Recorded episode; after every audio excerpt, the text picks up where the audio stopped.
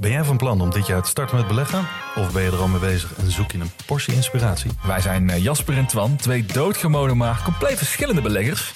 En iedere donderdag vertellen wij in onze podcast de lange termijn over onze beleggingsreis, onze lessen en met name onze fouten. En dat allemaal op een eh, vermakelijke en een langdrempelige manier. Alsof je met ons in een kroeg staat. Met een whiskietje erbij. Lekker. Dus luister eens naar onze podcast De Lange Termijn. Is het goede koffie? Nee, als- van de redactie. Nee, geen goede koffie.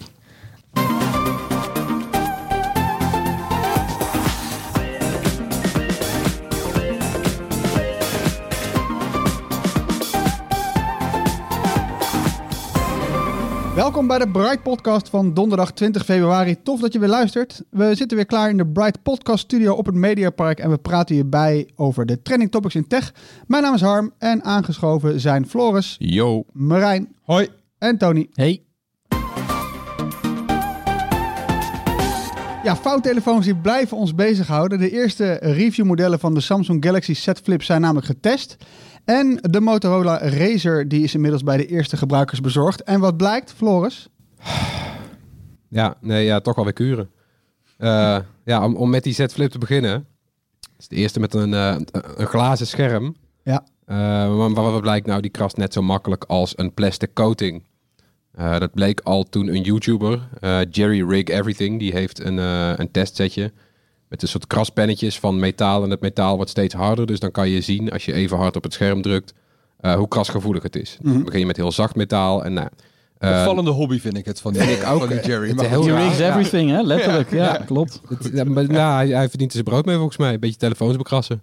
Prima. Ja, Ja. eerste ding. Ieder zijn niche. En eh, nou ja, wat, wat hij dus heeft eh, gevonden is dat als je die... eh, hij heeft ook al de Fold bekrast destijds. En hij bekrast alle nieuwe telefoons eigenlijk. Ik vind Het raar, steeds meer een eikel worden. ja, ja, het is ook een eikel. Maar dan weet je, dan weet je hoe, eh, hoe, hard het, hoe hard het glas voor die telefoons is. En normale platte telefoons, onvouwbare...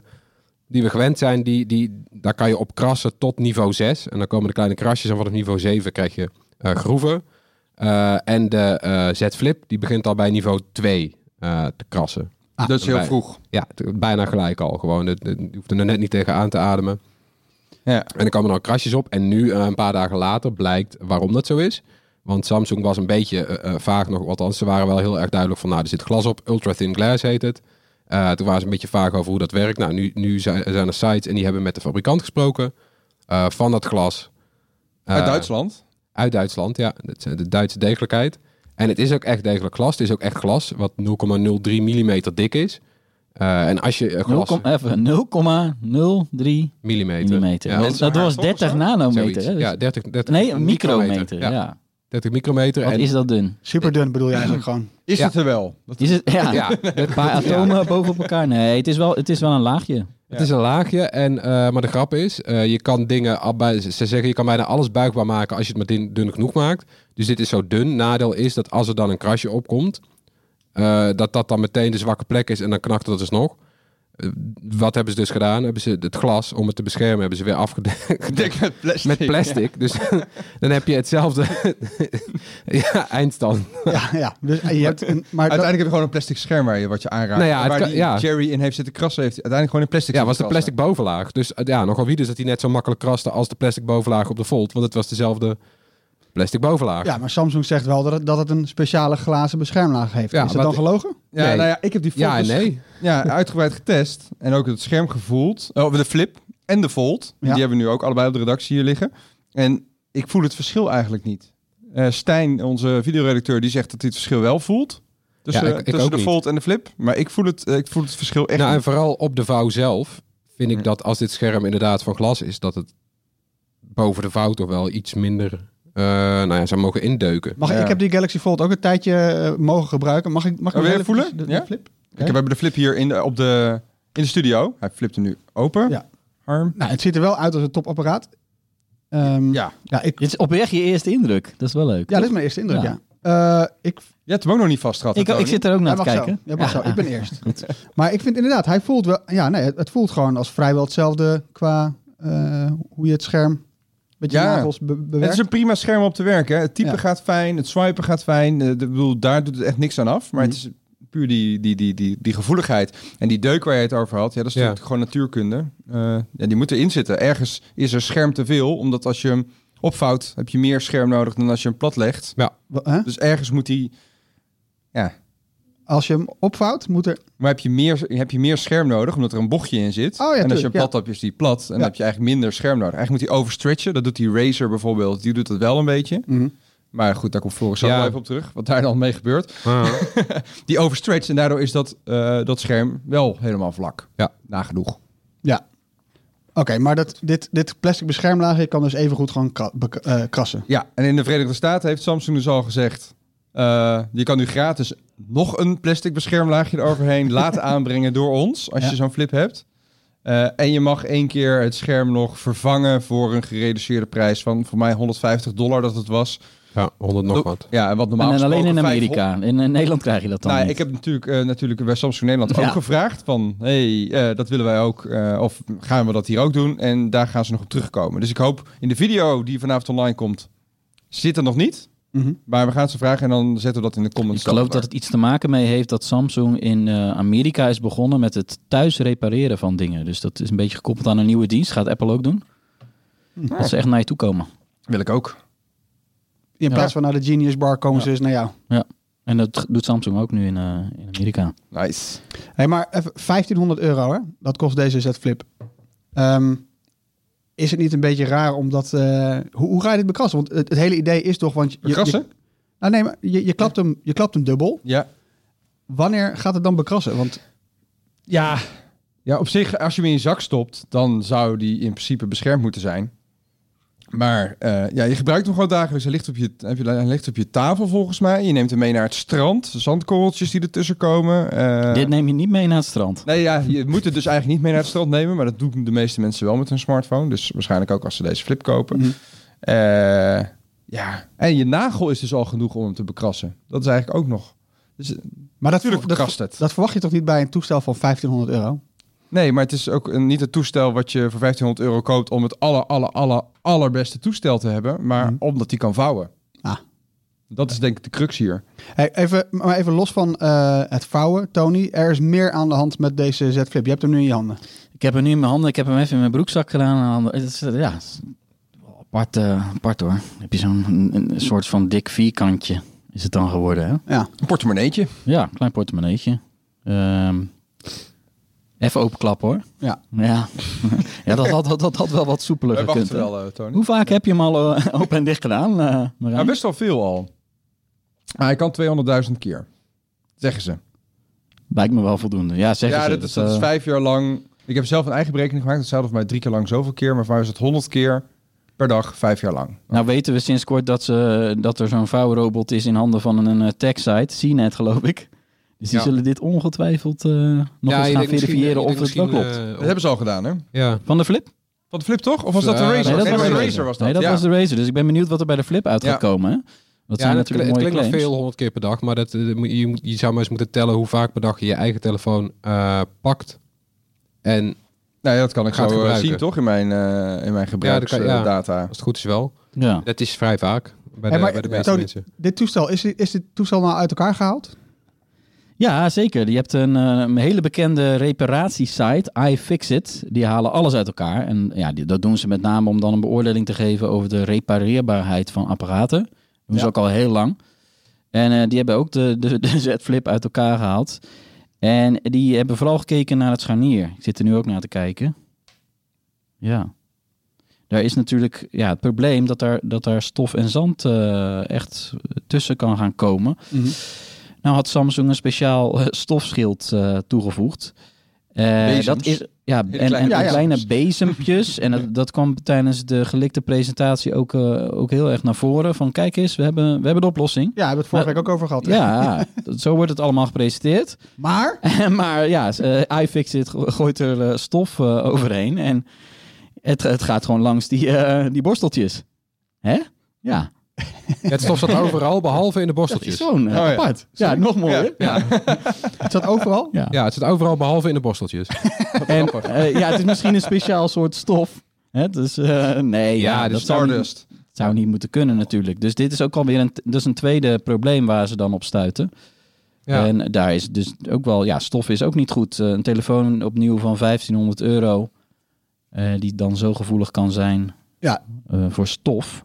Ja, dat, eh, dat is echt niet goed. Hey, ehm, En nog even terugkomen even op hoe vaak pak je je telefoon op? Ik ongeveer 81 keer per dag. 81 keer per dag doe je hem dus open en dicht. Oh, waar, Nou waar ja, zie je, pak ik mijn, pak ik mijn normale telefoon je hebt op. het bijgehouden. Ja, dat heb je gewoon, zit Ja, gewoon in dat je instellingen. Je scherm. Had je Oh, ik dacht dat je aan het turven was op een uh, klapblok. Ja, nee. Wat ook wel grappig is, is dat dankzij die vouwtelefoons moeten we nu ook een naam gaan verzinnen voor gewone smartphones. Je zag, eh, Floris, jij struggelde net al met gewone smartphones, platte smartphones. Ja, moet hier dus een Grote goede, smartphone.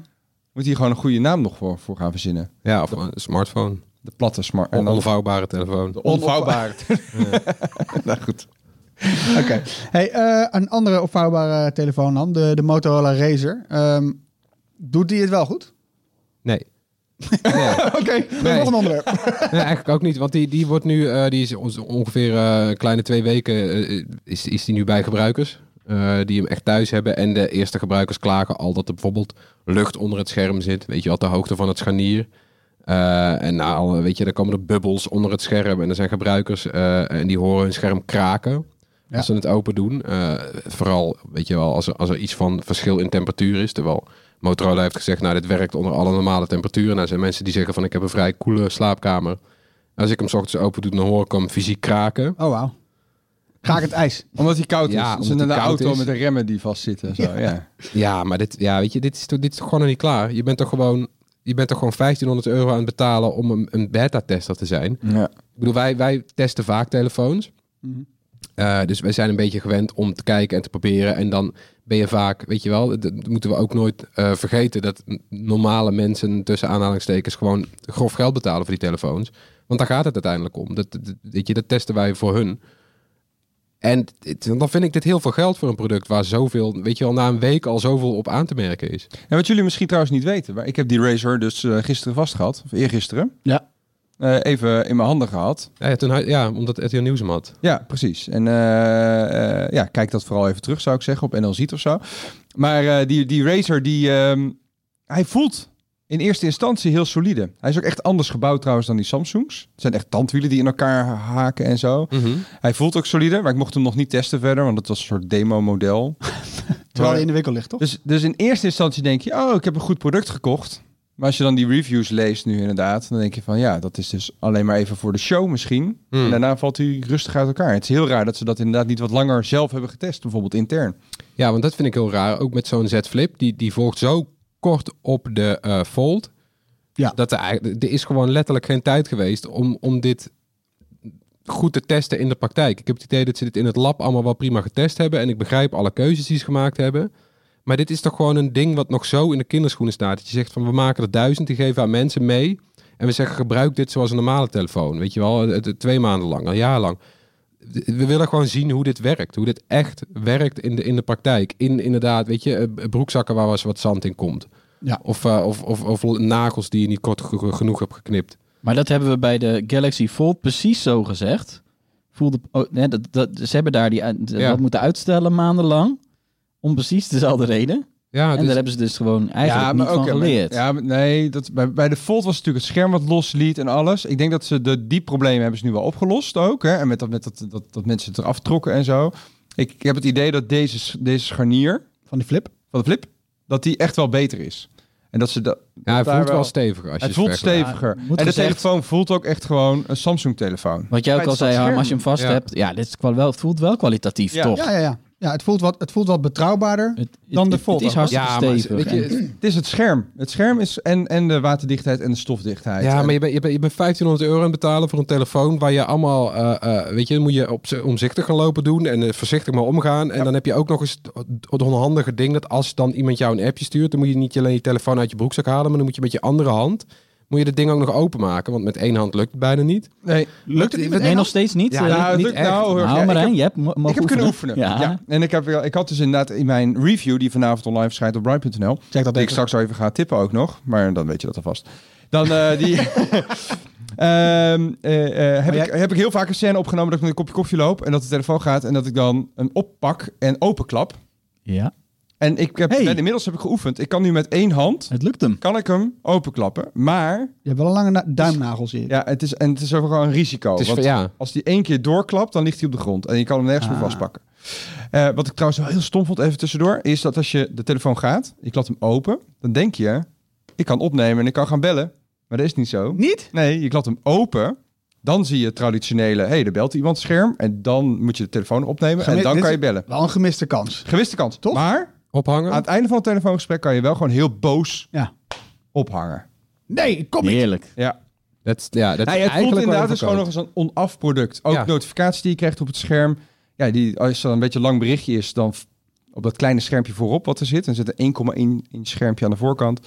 Ja, die zijn gewoon niet uit te lezen. En het, het schermpje reageert ook niet heel erg goed op je Maar wat, kri- wat krijg je daarop te zien? Op dat Ja, kleine schermpje? Een WhatsAppje bijvoorbeeld, maar dan, Ik ga je nu een app sturen. Maar dan half. ja, maar dan half. En want het gaat het dan scherm uit. dooft ja, weer. Ja, ja. Dat kan je ook niet, nog steeds niet instellen. Dus. Nee, dat kan je, nee. Nee. ik heb eh, niet gevonden in de instellingen waar ik dat scherm kon aanzetten. Dat is toch wel raar. Er want- zitten allemaal hele kleine dingetjes in die nog net niet goed zijn, waarvan Ja. ik wel denk dat het heel snel opgelost kan worden. Qua softwarematig. Ja. Dus eh, jij gaat me Ja, nu maar weer gewoon, hard. Oh ja, In principe zelf, dus ik ben ik ook gewoon nog aan niet een van- eh, van andere overtuigd. telefoon nu een WhatsAppje. Kijk, hier heb ik gewoon Ja. mijn iPhone ernaast. Ja. Daar komt nu wel WhatsAppje binnen. Oh, hoor. dus niet ik- op mijn Motorola. Op, op, eh, Ik dacht dat je daar je Want simkaart... ik heb het net ook Nee. met één hand proberen open te doen. En hij is eigenlijk net te groot om dat, dat inderdaad Ja. veilig te je durven een doen. risico. Want die van vroeger kennen we nog wel. De, de, weet je wel, de fliptelefoons van vroeger. Maar die waren zo klein dat je, je kon er je hele hand omheen vouwen terwijl je hem open deed. Dus daar kon plus- eigenlijk niet echt iets fout gaan. Plus er zat een veertje in. Dus Ja. bij, die Razer. Ja, meestal wel, ja. gewoon open. Oh, ja. ja. Ja, dan hoef je Ja. maar een klein zetje te geven. Ja. En dat is hier niet het Maar geval. dit, dit duidt er toch ook op dat ze het gewoon niet lang genoeg Nee. van een grote groep mensen in de echte dagelijkse praktijk getest hebben. Want gewoon- dit krijg je als eerste als feedback terug je van bent aan het mensen. toch? Hannessen. Je hebt twee handen nodig. We, hebben, we zijn jarenlang gewend ge- geraakt dat je met één hand je telefoon pakt en dan is hij open. Meestal zit er ook nog gezichtsdetectie op, waardoor je pats, boem, meteen in die telefoon zit. En dan ga je ineens een stap terugzetten voor, voor anderhalf keer het geld. Maar kun, je, maar kun je niet innoveren zonder fouten? Ik bedoel, dat is toch... Nee. Innoveren staat toch gelijk aan fouten maken? En fouten durven maken? Ja. Ik, Ja, ik maar denk ook doe niet dat dit voor... intern. Er is geen bedrijf die dit gaat aanschaffen voor zijn werknemers, bijvoorbeeld deze telefoon. Er zijn geen normale mensen die deze telefoon gaan kopen. Maar er zullen wel mensen zijn die gewoon in de club staan met hun fliptelefoon. En eh, laten zien dat ze geld hebben, bijvoorbeeld. Het, Ja. is ook een, het, is een beetje een mo- het is een beetje een accessoire, is het eigenlijk meer. Of iets voor in je clutch als je naar een eh, filmpremière gaat. Weet Wat is je een wel? clutch? Een clutch, een clutch is een, eh, is een hand, dameshandtasje, Harm. Eh, Zonder hengsel. was even de Dat clutch hou je kwijt, vast, Harm. Een clutch. Je bedoelt een portemonnee. Tas. Nee, een tas. en daar zit dan een portemonnee in.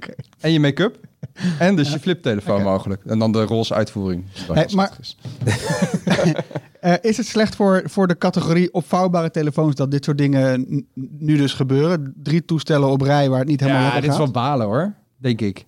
Ik heb, ik heb in de Belmer heb ik eh, een eh voxpopje gedaan met de flip. Ja.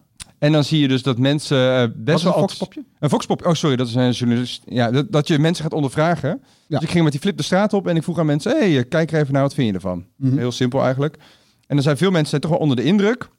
Maar zodra ze er dan even over na hebben gedacht, dan denken ze: hmm, Ja, ik vond het wel leuk om te zien. Dat je Ja. echt zegt van, oh wauw. En daarna zeggen ze, oh, dit heb ik toch eigenlijk helemaal niet nodig. Zonder Ja, dat dat ze de prijs nodig. ook hoorden, denk ik. ja, zonder dat ze de prijs hoorden. Ja. Ja, want één Ja, gast zei van, oh, maar mijn normale telefoon past toch ook gewoon in mijn broekzak. Dat vond ik... ja, eigenlijk, het is ook gewoon zo.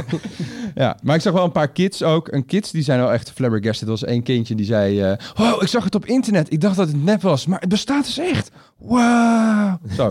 dus eh, het is wel. Het heeft wel een wow tot. Ja, het, het is een wow factor. Ja, vind ik wel. Eh, En nostalgie. Maar, ja, ja, maar maar- ja, weet je, de, de, de hele categorie die kan zo wel om zeep gaan eh, geholpen worden als er nog een paar producten half af op de markt gebracht worden. Dat is natuurlijk niet goed. De op een gegeven moment geven mensen het dan gewoon op. Ja, over een half jaar moet het gewoon goed zijn. Ja, het moet wel heel snel, heel, eh, moet het echt helemaal goed eh, komen hoor. En dat is dus bij deze flip nog niet helemaal het geval. Maar dat vond ik wel opvallend. Samsung presenteert het wel gewoon allemaal als perfect. Hè? Dus net zoals die S20's en dergelijke eh, in die presentaties is het allemaal eh, fantastisch. Omdat ze dat gewend zijn met alles zo te presenteren. Ja. Maar had het niet verstandig geweest om dit toch meer als een soort... En de vorig jaar met de Fold hetzelfde natuurlijk. Om dit toch meer soort als een beta-product op de markt te brengen. En niet als zijnde een perfect eh, product wat dat iedereen moet gaan kopen. Want dat hebben ze gewoon natuurlijk wel gedaan, Ja. vind ik zelf. Maar Ja, ik Ja. ook. dan dus helemaal Ja. niet op de markt brengen. En gewoon zeggen, joh, dit is wat, waar we mee aan het spelen zijn binnen Samsung. Dit is wat we maken. Zoals conceptauto's op de markt niet op de markt komen, maar wel gepresenteerd worden bij de techbeurzen. Ja, waar je wel even in kan rijden Ja, bijvoorbeeld. dit, ja. dit is onze conceptauto van Mercedes. Deze techniek ga je niet ja, zien de ik komende vind, ik 20 vind het ook wel verneukeratief. Want weet je, hoe, va- hoe vaak als normaal eh, consument ga je inderdaad... Want je hoort gewoon letterlijk na een week... Valt hij al uit elkaar, breekt hij al, krast hij al. Ja, weet je, dan, dan ga je dat toch niet kopen. We hebben het nu over de Razer. hè? Hij valt uit elkaar. Ja. die flip die is Die flip, die, flip eh, die voelt stevig. Ja, maar weet Ja. je, er zijn, er zijn af- bij, bij elk van, de, van, van deze drie toestellen is, is- er zijn meerdere weet je, op- en aanmerkingen. Na een week al, laat staan. Want we, we, we hebben niet eens gewoon maandenlang kunnen testen. Nee, maar, maar die, die Galaxy Fold is pas sinds december in Nederland ook te koop. En dan komt deze er alweer aan. Ja. Eh, Volgens mij hebben ze gewoon onnodig eh, haast gemaakt. En eh, dachten ze van Mobile World Congress komt eraan. Wij moeten niet alleen die S20 presenteren, maar ook die, ook die Z Flip.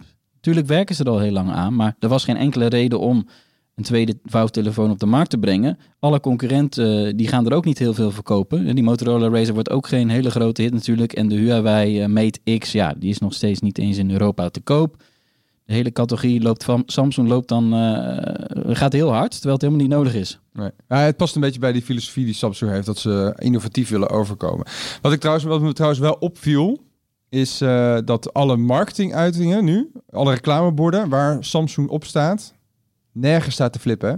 Overal is het gewoon S20 pushen, S20 pushen, S20 pushen. Ja. Dus ze, ze verwachten ook niet al te veel, denk ik, van deze fliptelefoon. Al hebben ze wel gewoon zo gepresenteerd. Ze gaan, ze gaan Ja. toch al het geld gaat naar die S20's toe, ja, maar marketing daar worden er ook miljoenen van gemaakt natuurlijk. Ja, daar worden er miljoenen van gemaakt. En die flip die komt dus vrijdag al in de winkels. En die twi- S20 pas... eh, ja, maar 13 zo'n maart. S20 kan je ook gewoon blind kopen, want die gaat er een paar jaar mee. Precies. Marijn, jij bent van alle personen aan deze tafel degene die het meest heeft kunnen spelen met deze telefoons. Mhm. Gaan wij over een jaar of over twee jaar allemaal over naar een foldable? Nou ja, als ze aan de standaarden kunnen voldoen, waaraan ook onze gewone telefoons voldoen, die gewoon plat zijn, onze platte smartphones, dan wel. Dus stofwaterdicht, krasbestendig display en eh, het scharnier moet het houden. Onze koopgids Bright Stuff heeft weer een update gekregen. Voor wie het eh, nog niet kent, even ehm, een resume. Wat is Bright Stuff? Ja, in Bright Stuff zetten we eh, gadgets in een hele hoop categorieën. eh, zetten we de drie beste producten van die categorie op een rij. Mhm. Het zijn producten die we zelf hebben getest of die we zelf gebruiken, omdat we ze de beste van hun soort vinden. Eh, en de bedoeling is, als je zelf niet kan kiezen eh, en je neemt iets uit onze lijst, dan zit je altijd goed. En daarbij houden we onze beoordelingen kort met een eh, lijstje plus en minpunten, zodat je niet ook een beetje de hele dag aan het zoeken bent. Je kan gewoon kijken en denken van, nou, die, die wil ik. En dan is dat goed. Oké, ehm, wat voor update hebben we? Wat, wat is er voor nieuws? Eh, nou, ten eerste hebben we een categorie toegevoegd. Dat zijn de action cams. Eh, dat is wel lachen, want de action cams, dat is, weet je wel, wat is een action cam? Dat is een GoPro. Eh, en tot voor kort was dat ook alleen maar GoPro. Dan kon je kiezen GoPro of een GoPro van vorig jaar. Ja, dan kwam je bij hele vage Chinese merken misschien ja, nog uh, er zat, er zat weinig tussen. Mhm. En nu is er naast de GoPro, de nieuwste GoPro Hero 8, eh, die we aanraden. Dat is ook wel het duurste cameraatje in de, in de lijst. Ja, Net Die kost bijna 400 vier, euro. ja, 400 euro is wel veel geld voor een action cam, hè? Ja, nou ja, als je een professionele eh, eh, eh, videocameraman bent, cameraman bent of cameravrouw, dan is dit een heel fijn cameraatje om erbij te hebben, denk ik. Ja, Ja, of als je, 400 als je euro echt gewoon, gewoon, eh, ja. weet ik wat, je, je, hebt, je hebt echt wel gewoon influencer Ja. actiesporters. Ja. Ja, dan is dit een, eh, dan is dit een prima deal. ook? Ja. Ja. Nee, je neemt er drie. ja, en, Ja. ja. ja waarom niet? Hè? Ja, ja, en, en, en de, de- de, de andere die erin staat is van eh, DJI. Ja. Het is die dronemaker die eigenlijk op de, weet je wat, wat, wat een GoPro voor, eh, voor actioncams is, is DJI een beetje voor drones. Heer en meester van die markt. En die, eh, nou ja, die heeft nu ook zijn eigen actioncam gemaakt. En het is best een leuk dingetje. Ja, komt heel dicht in de buurt qua videokwaliteit en functies van de GoPro. Mhm. Eigenlijk doet de GoPro vooral de beeldstabilisatie beter. Ook al jaren aan gewerkt. Die is bij GoPro nu zo smooth. Ja, dat zag ik in de video van eh, volgens mij Erik. Ja, van Erik. Eh, die ging eh, daarmee de... Ja, die piste ging, af, ja, die ging Ja. skiën. Nou, en dat is wat- eh, ongelooflijk. Dat, al- alsof je inderdaad met een, met een steadycam gewoon eh, heel soepel afgaat. En dan zag je met de camera ernaast hoe het, hoe het ongestabiliseerd... Nou, die, dat die man de, de, de, de tanden stuiterden in de juiste mond. Ja, maar dat is, dat is voor, voor Osmo natuurlijk, of voor Osmo, voor DJI natuurlijk best wel een nieuwe categorie. Want die zijn natuurlijk gewend om te werken met van die gimbals, echt Ja. hardware-achtige dingen. En nu moeten ze diezelfde technologie proberen te proppen in een heel klein apparaatje waar je geen ruimte hebt, echt voor een echte gimbal. Ja, en Ja, Zo wel leg veel meer ervaring mee. Leg even uit wat een gimbal is. Een gimbal is een, een extern apparaat wat je, waar je je camera op zet, wat zorgt dat die camera stabiel is. Dus die reageert contra... ja, contra en, eh, ja. Precies. Als jij Stabilisator. naar links gaat, gaat de stabilisator naar rechts. een En dan blijft de stabilisator, camera in het midden staan. Naar woord is dat eigenlijk. Stabilisator. Ja. Maar die, eh, die DJI die is dus ook even groot. Hij lijkt heel erg op zo'n GoPro. En hij is iets goedkoper, 349 euro.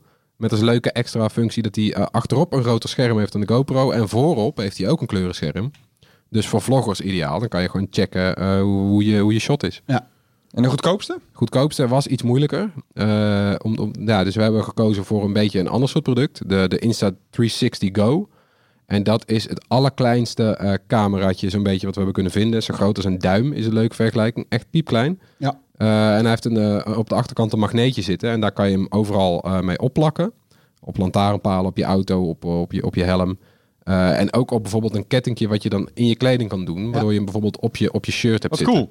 Ja, Ja. E- Erik, die, we- toen wij eh, voor, voor Bright en RTL Z naar CES gingen, had Erik ook die Insta360 Go bij zich. En ik zei, wat heb je toch met je kettingje, joh? En wat, heb, wat is dat ding op je... Ik had die Insta360 Go nog nooit live gezien, zeg maar. Uh-huh.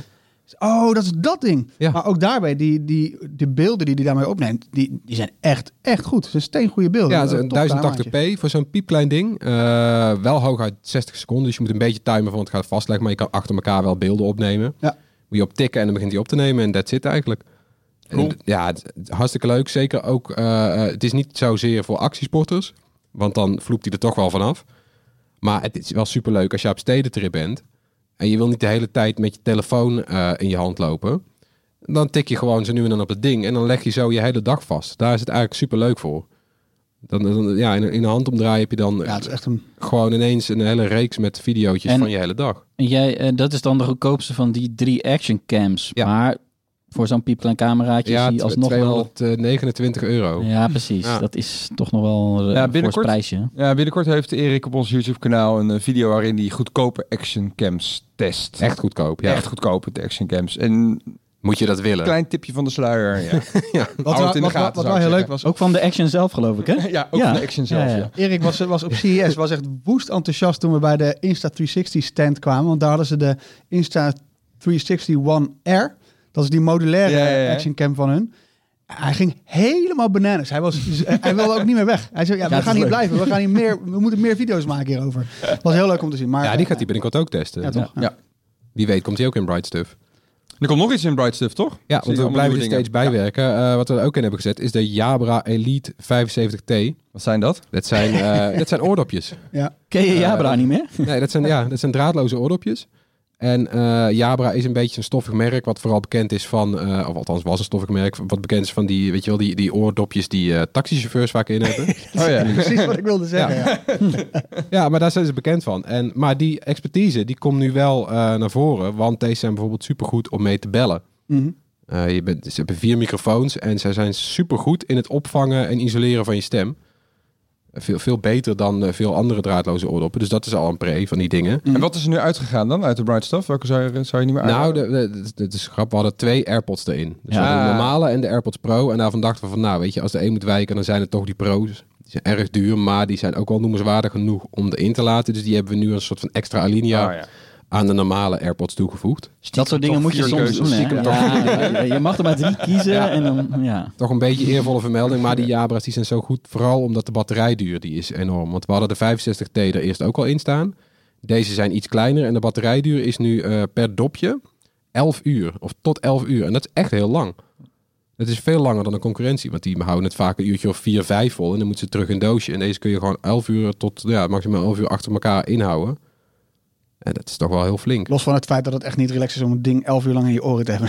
Nee, maar het zit kan wel. Ik zit even te scrollen, hè. Ik zie die Apple HomePod die ook gewoon staan. Ja. Dat Die, die, die, eh, Ja. die, dat Ja. is hartstikke oud. En nu, zie ik, nu staat hij ineens in de cockpit. Hele lange discussies zijn Ja. daarover gevoerd, geloof ik, op de Ja, ja, dat gebeurt ook. Gewoon een hele lange discussie. Ja, weet je, want we hebben een lijst met slimme speakers. Ja. En die HomePod is helemaal niet zo slim. Want daar kan je vrij weinig aan vragen. Eh, weet je, los Nou, van volgens. zet eens die muziek op. Maar nou ja, Erwin heeft er laatst ook weer eentje aangeschaft. Eh, we spraken nog met wat andere mensen die er ook eentje thuis hebben staan. Ik ben er heel enthousiast over, want wat is nou de grap? Hij klinkt wel supergoed. Eh, en wij kwamen allemaal tot de conclusie, wij vragen eigenlijk ook helemaal niet zo heel veel aan die slimme speakers. Want, weet je, dan pakken we onze telefoon. Dus het enige wat we aan die dingen vragen is van zet het licht aan, zet een timer of, weet je, draai dus muziek van die artiest. Dus we hebben besloten om er toch in te zetten, omdat hij gewoon zo ontzettend goed klinkt. Ja, dus niet per se omdat hij zo slim is, maar gewoon puur omdat hij uitblinkt in de geluidskwaliteit. Ja, maar ook veruit uitblinkt. Ondanks dat hij officieel dus niet in Ja. Nederland verkrijgbaar is. Ja, dat eh, is- De HomePod. Leg dat nog even uit. Ja, want eh, ja, Apple verkoopt hem hier nog steeds niet. Eh, Siri op de HomePod eh, spreekt geen Nederlands. Siri op je telefoon wel, op de HomePod niet. Want dat is een speciale eh, Siri met verstand van muziek. Echt, echt heel raar hoor. Echt heel raar. Ja, Hij het heeft is- eigenlijk een goede reden om hem er niet in te zetten Nou ja, bijna. Maar... ik, kan, ik kan me voorstellen dat ze bijvoorbeeld Bluff en eh, aan de kust en zo, dat hij dat dan nog niet kent of zo. Nee. Of, Godzijdank, heet het dat zou lekker zijn als je dat gewoon niet kent. Nee, Bluff. Nee, Marco Borsato. Ronnie Flex gaat dan wel weer. Oh, Ja, Ronnie Ronnie Flex. Flex. Precies. Ah, ja. Nee, oké, dat makes sense. Ja. Ja, nee, maar het is, ja, weet je, dus dat, dat, hij is in Nederland officieel nog niet bij Apple verkrijgbaar, maar er zijn allemaal webshops waar je hem gewoon kan halen. En dan is hij uit Duitsland geïmporteerd en hij doet het ook gewoon in het Nederlands. Weet je, dit, hebben we toch besloten en zetten hem er gewoon in, Ja. omdat hij zo ontzettend goed klinkt. En eh, wat, wat kost hij dan bij die webshops? Ja, hetzelfde als gewoon bij Apple eigenlijk 350 Ja. euro. Misschien scheelt het twee tientjes of zo, ontzettend, eh, scheelt ontzettend.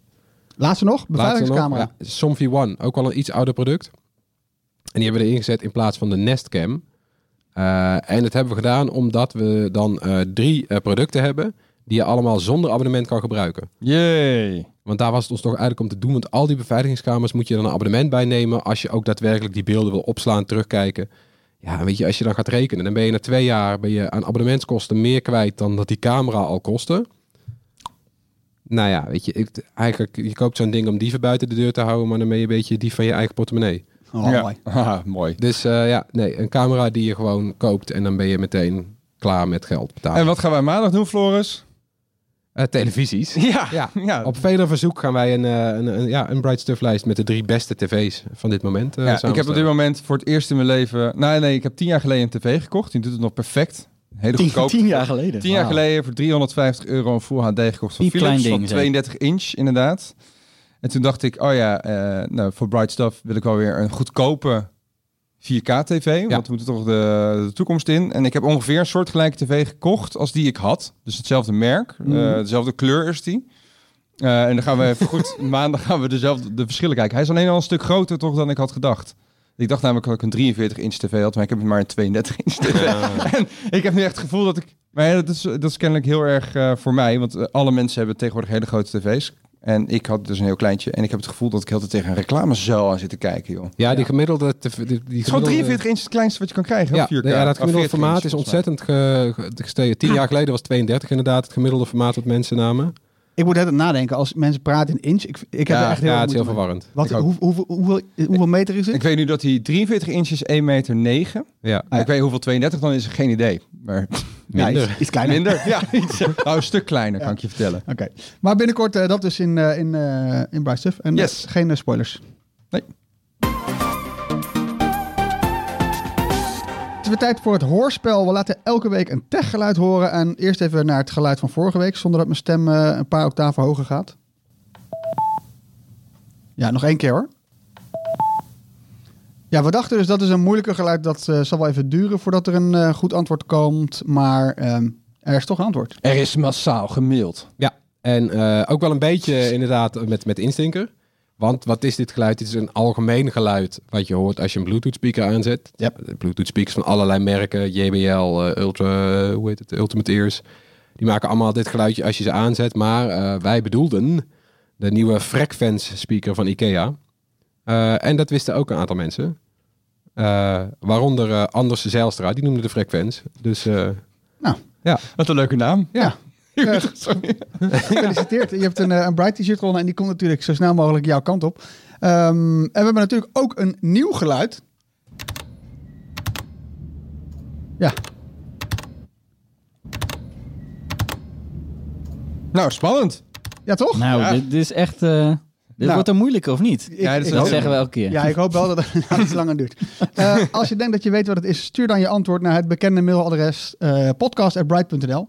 Onder de mensen die het juiste antwoord insturen, verloten we weer een gewild Bright t-shirt. En deze week hebben we deel 3 van Achter de Schermen, de rubriek die we samen met Accenture aanbieden. Eh, we spreken met professionals op top tech-posities. En dit keer is het de beurt aan Joris Schepens. Hij is directeur retail en data bij bol.com. En Matthijs van der Pol die zocht hem op.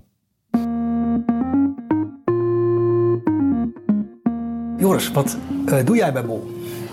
Ehm, ik ben verantwoordelijk voor een afdeling die heet Retail en Data. Dus wat wij doen is wij ondersteunen eigenlijk onze commerciële operatie met allerlei datagedreven technieken om te zorgen dat prijzen goed staan. Om te zorgen dat er voldoende voorraad is, dat het ook verkocht kan worden, dat het beschikbaar is. We doen alle innovaties op pricing, op voorraadmanagement. Maar daarnaast hebben we ook de data science afdeling. Dus die uh, innoveert hè, met, uh, als het gaat bijvoorbeeld uh, het zoeken van, van producten of het indelen van producten. de business intelligence afdeling die zorgt dat we allemaal goede reports hebben, dat mensen ook kunnen zien of de dingen die ze doen ook werken, of het goed gaat. Dus eigenlijk in essentie kun je zeggen dat door datagedreven werken wij de hele, het hele bedrijf op komt proberen om gewoon nog weer betere dingen te kunnen doen voor klanten, voor onze partners. Nu is data heel belangrijk. Uh, is dat uh, altijd zo geweest? Is dat in de begintijd, toen uh, Bol zeg maar, nog in de trekschuitfase zat en cd's en boeken verkocht, was dat toen ook al een hele data-gedreven organisatie? Weet ja, deels wel, deels minder. Kijk, het grootste verschil tussen toen en nu is dat er nu veel meer data is. Het bedrijf is ook veel groter, er zijn veel meer klanten. Maar het is wel een bedrijf dat als digitaal bedrijf altijd al natuurlijk op zoek was naar wat vinden de klanten hier eigenlijk van. Kijk, als je winkelier bent, dan komt de klant binnen en je kunt aan het gezicht van die klant al zien of hij een beetje happy is. Je kunt zien of die klant zich omdraait voor een schap, of dat hij op dat schap afspringt en daar dingen uit gaat peuteren en, en, en daar wat van gaat kopen. Dus als gewone winkelier in de winkel staat, heb je heel veel feedback-informatie. Als digitaal bedrijf heb je dat niet. Dus ja, toen onze, de pioniers van dit bedrijf, ik was er overigens zelfs niet bij, maar toen de pioniers van dit bedrijf dat online winkelen eigenlijk ja, gingen ontdekken hoe dat werkte, ja, dan kom je er toch wel achter dat om iets te leren van wat je klanten er eigenlijk van vinden, dat je eigenlijk vanaf het begin al met data bezig moet zijn. Ja, dus eigenlijk dat, dat stuk informatie wat jij miste, uh, daar moest eigenlijk een soort van digitale uh, oplossing voor gevonden worden. Precies, en eigenlijk is data is vooral ook gewoon ja, informatie over, over klantgedrag. Hè? Dat, is, dat is waar het in essentie over gaat. Heb je ook eens dat je merkte van ja, wij, wij uh, gaan nu bijvoorbeeld te veel dingen suggereren aan die klant, waardoor die denkt, hé, hey, bol komt mij een beetje te dichtbij?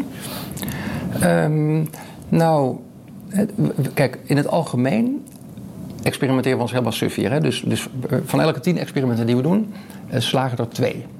En, en acht dus niet. Hè? En, je kunt zeggen, die slagen niet. Hè? Die, leveren geen meerwaarde op. Maar we leren er wel van. Hè? Dus in die zin slagen zodat we er iets van leren. Het is wel zo dat wij, als het gaat over dicht bij die klant komen, we willen voor die klant heel erg relevant zijn.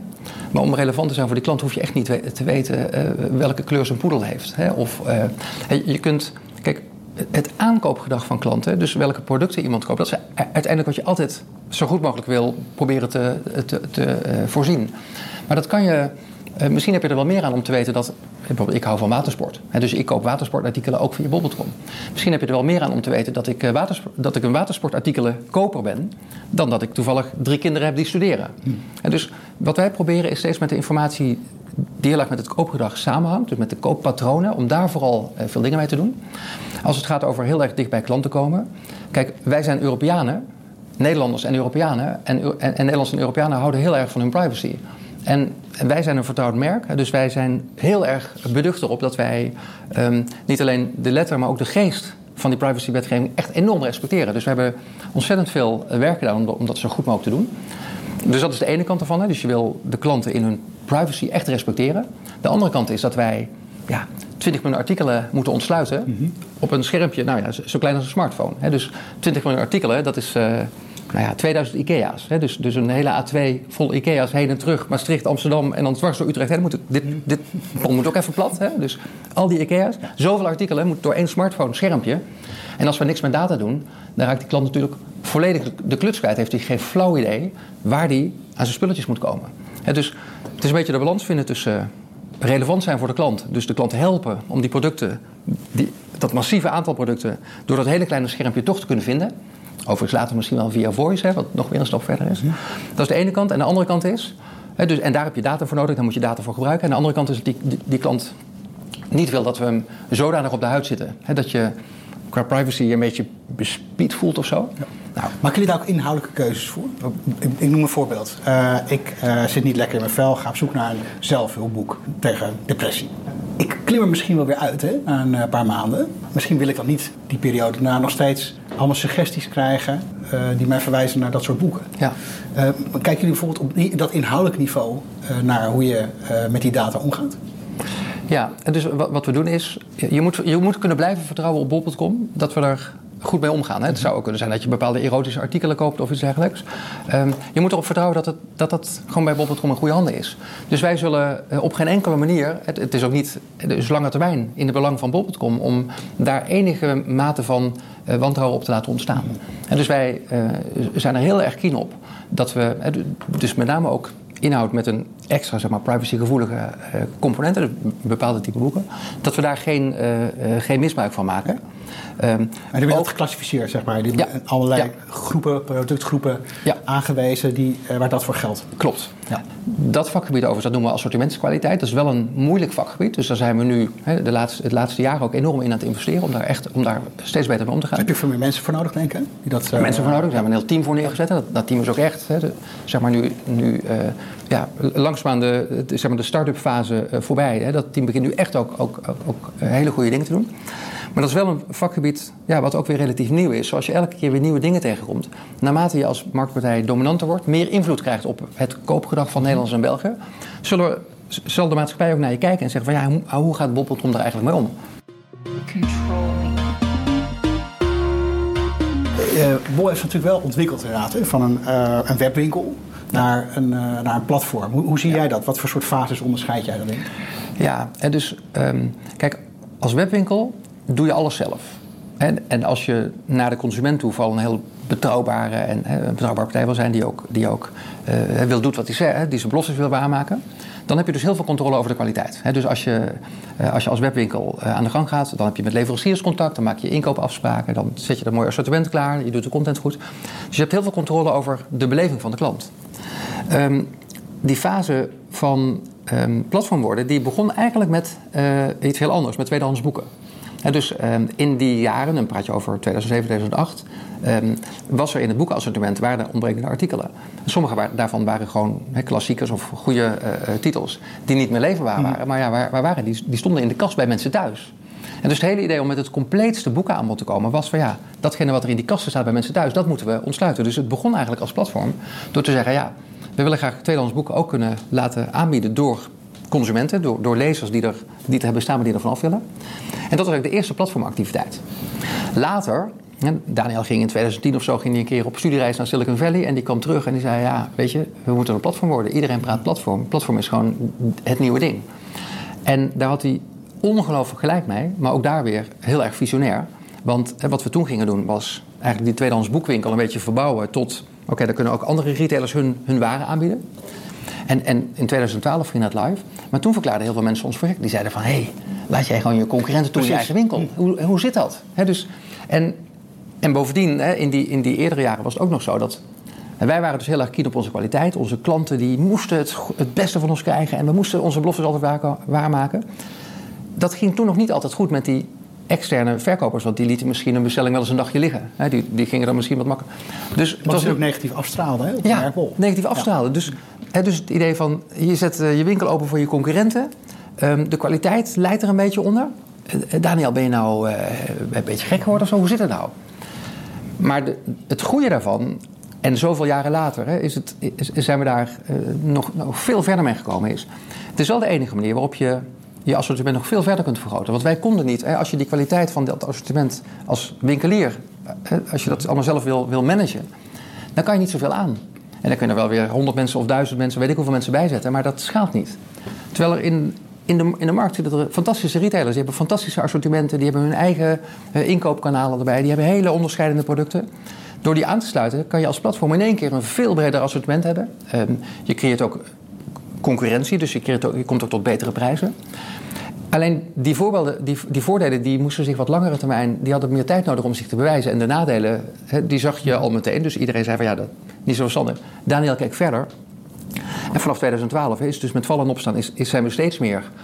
nou, We, we doen het toen nog plaza-verkopers gaan, gaan, op, eh, eh, gaan aansluiten.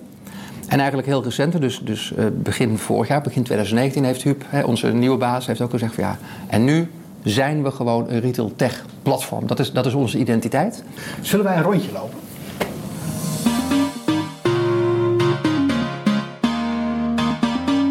Kijk, dat is een van onze datahelden daar links. Ja. Dat is Eduardo, die is de, de, de, de architect van onze data science mensen. Dus hij, hij kijkt hoe wij op de beste manier data, data kunnen ontsluiten voor data science toepassingen. Dat is zijn, eh, dat is zijn vak. Oké, en dat betekent dus dat je, je, hebt, je hebt al die data, maar eh, ja, je moet er ook wat mee doen. Ja. En hij eh, bedenkt manieren om het te ontsluiten. Om, Ja, ja, ja. data op zichzelf is allemaal niet zo, niet zo spannend. Het gaat om wat je ermee doet. Hè. Het gaat om welk probleem ben je aan het oplossen. En daar, ja, daar, daar moet je dus goed, goed mee bezig zijn. En En dan heb je al die data, ook van al die klanten. Kunnen ook andere partijen daar gebruik van maken? Buiten Bol? Verkoop, Verkopen jullie dat bijvoorbeeld? Nee, absoluut niet. Nee, hè, dus, dus klantgegevens, persoonsgegevens zijn, zijn heilig en super veilig. Bij ons zijn er ook maar heel weinig mensen die ook echt daar toegang toe hebben. Ja. Dus het is, het is ook, ook binnen het bedrijf is er een kleine groep mensen die echt op dat niveau mag kijken. Want ja, klantgegevens zelf zijn, ja, die zijn natuurlijk van de klant. Hè, dus daar willen we helemaal niks mee. Dus daar, daar verkopen we niks van. Hè, absoluut niet naar buiten. En ook binnen gaan we daar heel zorgvuldig mee om. Waar zijn we nu? We zijn hier op de plaza. Ja. Dat is eigenlijk het centrale plein in ons gebouw. Ja. Hier vinden heel veel eh, zeg maar, kort- korte gesprekjes plaats. Hier worden dingen afgestemd. Tot slot, eh, nog een laatste blik vooruit. Kan jij, eh, jij een inschatting van hoe eh, die, die rol van data voor een bedrijf als Bol gaat veranderen? Ja, die rol wordt alleen maar groter. En wat je ook zult zien is dat data eigenlijk steeds meer, dus- echt datagedreven werken. Hè. Dus we zijn, ehm, eh, je begint met dit soort nieuwe capabilities in een soort van centraal team. En dat centraal team werkt wel heel erg decentraal samen met allerlei ja, gebruikers, afnemers, hè, dus intern. Maar dat is wel een centraal team. De toekomst zal zijn dat datagedreven werken zo onderdeel is van alle, alle functies binnen het bedrijf, dat het steeds meer ook in het team zelf zit.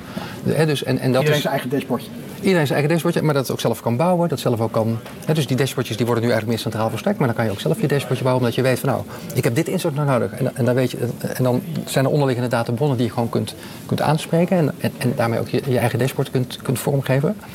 En dus op allerlei verschillende vlakken zullen we zien dat data nog veel meer gewoon de standaard manier van werken wordt voor iedereen.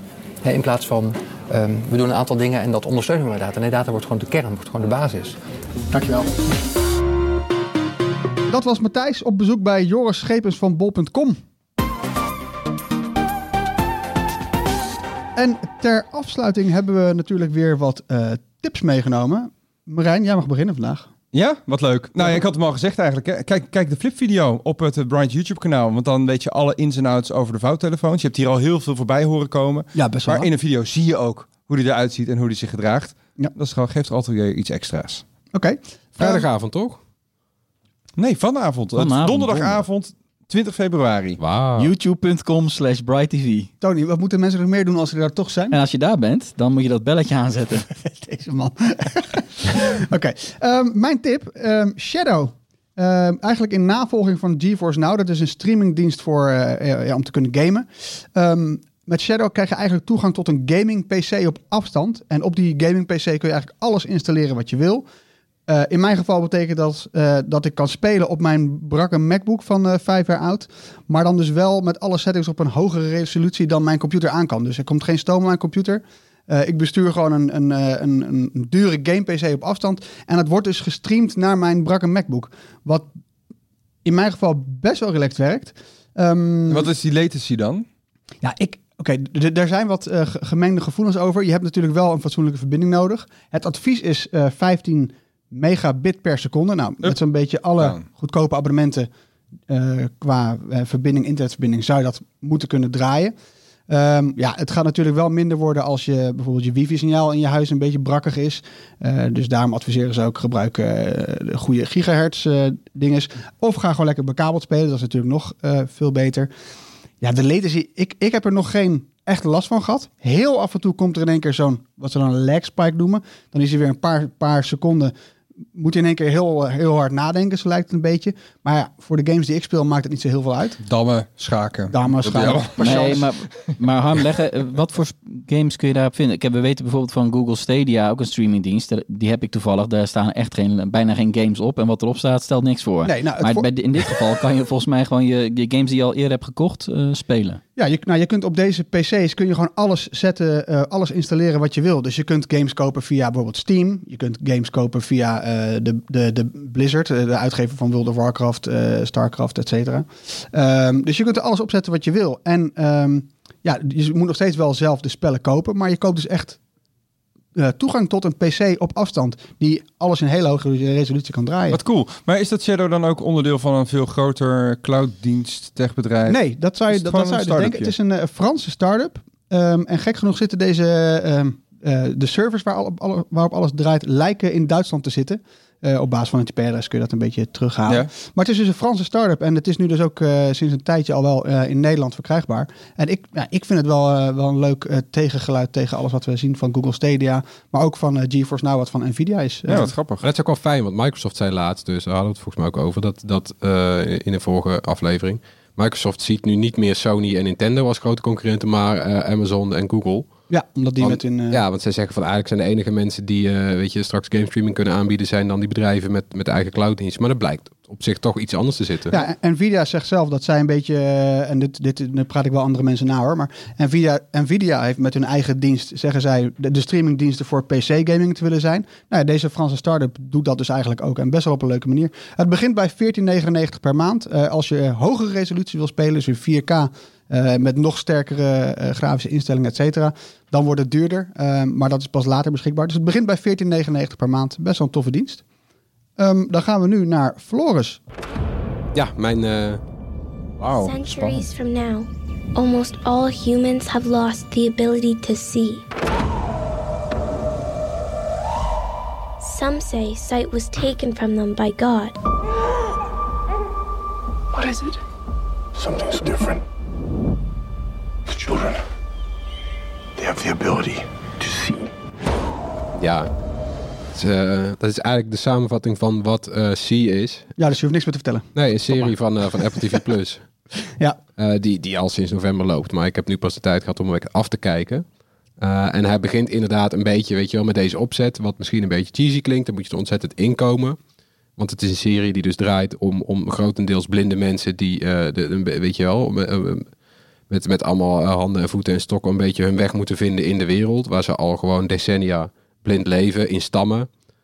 Eh, en dan zijn er ineens weer twee mensen die kunnen zien en dan begint het verhaal te rollen. En dat wordt wel steeds eh, eh, eh, aangrijpender, meeslepender, ook een beetje naargeestiger soms. Nou, ik vond het heel vet. Ik ben, er, ik ben ook fan. Ik moet hem ook nog afkijken, want mijn Apple TV Plus abonnementje was afgelopen. Nu heb ik weer een nieuwe iPhone, dus nu kan ik weer gaan Het stopt kijken. heel erg abrupt. Dat Ja? is eh, echt Ja. bijna vervelend. Dat Komt eerste seizoen bestaat uit acht, de, Ja. acht afleveringen. En je echt, denkt echt van, hè, is dit de laatste? Ja, maar als je dan logisch nadenkt, nadenkt zeg maar, over wat je allemaal hebt gezien, dan is het wel logisch hoor, dat Ja. dit het einde is. Ja, ik moest echt, ik moest ontzettend inkomen. Ik heb, geloof ik, zie eerst ont- best wel afgekraakt Ja, hier. ik Kan ik me nog herinneren, ja. Eh, ik ben er wel op teruggekomen. Ja, vooral die rol van Sylvia Hoeks, hè? Wie? Ja, onze eigen Sylvia Hoeks speelt eh, een belangrijke rol erin. Ik ben de naam vergeten, maar De koningin. De koningin, hè? Heel eng, Oh, heel eng. Ja, ja. Heel eng. moly. Ja, ja, ja, ja. Ja, vieze vrouw. Ja, Ja, ja, ja, doet ja, heel ja, goed, ze, ja. doet, eh, ze doet gewoon- hele speciale dingen om eh, tot rust te komen. Wat was ja, bijvoorbeeld te bidden. Te bidden, ja. Ja. Ja, nou, dat vind ik, ja maar, maar gewoon meer gewoon hoe haar hele karakter, hoe dat Ja. opgebouwd wordt. Echt Heel goed. Echt vervelend. vies. Ja, Gewoon echt een hekel aan haar op een gegeven moment. heel Ja. knap. Ik vind het echt goed getrakteerd. tip. En, eh, Apple ik, TV Plus, toch? Ja, Apple ik TV vond eh, die, eh, die, die Witch Hunter, hè. Daar maakt die Joen. Ja, June Ja, vond ik ook. Tamakti Zo'n tof, zo'n tof personage Echt dat. Ook een hekel aan. Nee, die vond ik echt Ja, goed. maar die, die, die groeit ook weer, weet je. Ja. Ik vond, ja, ik vind een heel goede, er zitten hele goede personages in. Oké, Tony, we gaan naar jouw tip. Flowers, balloons, Larry David. What could be better? Can I give you a little tip? If you're going to confront somebody, it's better to do it with pants on. Wat vet dat hij terug is. Ja, Ik wist helemaal niet. Ja, dit is echt een van mijn grote helden. Eh, Larry David, Amerikaans eh, ja, comedian en scriptschrijver. Hij is bekend van Seinfeld, hè. Daar heeft hij echt honderden miljoenen dollars aan verdiend aan Seinfeld. Is het gek dat ik nog nooit van deze man gehoord Oh, heb? ja, dat is dus gast heel gek. dat is, dat is dus heel erg gek. En dit is, de, dit is het tiende seizoen al namelijk. Seizoen nummer 10 van Curb Your Enthusiasm. Ja. Eh, waarin Larry David zichzelf speelt. En het zit waarschijnlijk ook vrij dicht bij, eh, bij de werkelijkheid. Eh, al zijn allerlei bekenden en, en andere mensen die hij ook echt kent, spelen daarin mee. En ja, het is gewoon echt, echt hilarisch. Het is gewoon een heel ne- neurotische vent eigenlijk. En die wel heel echt, echt op de een of andere manier toch wel weet te vangen wat er in de maatschappij soms allemaal raar is. Hè? Mensen gedragen zich namelijk heel erg raar. Zijn, Mensen zijn heel snel eh, geïrriteerd over dingen. En alles Ja, ligt super gevoelig, weet je wel. En in Amerika zeker. En eh, Larry heeft daar allemaal lak aan.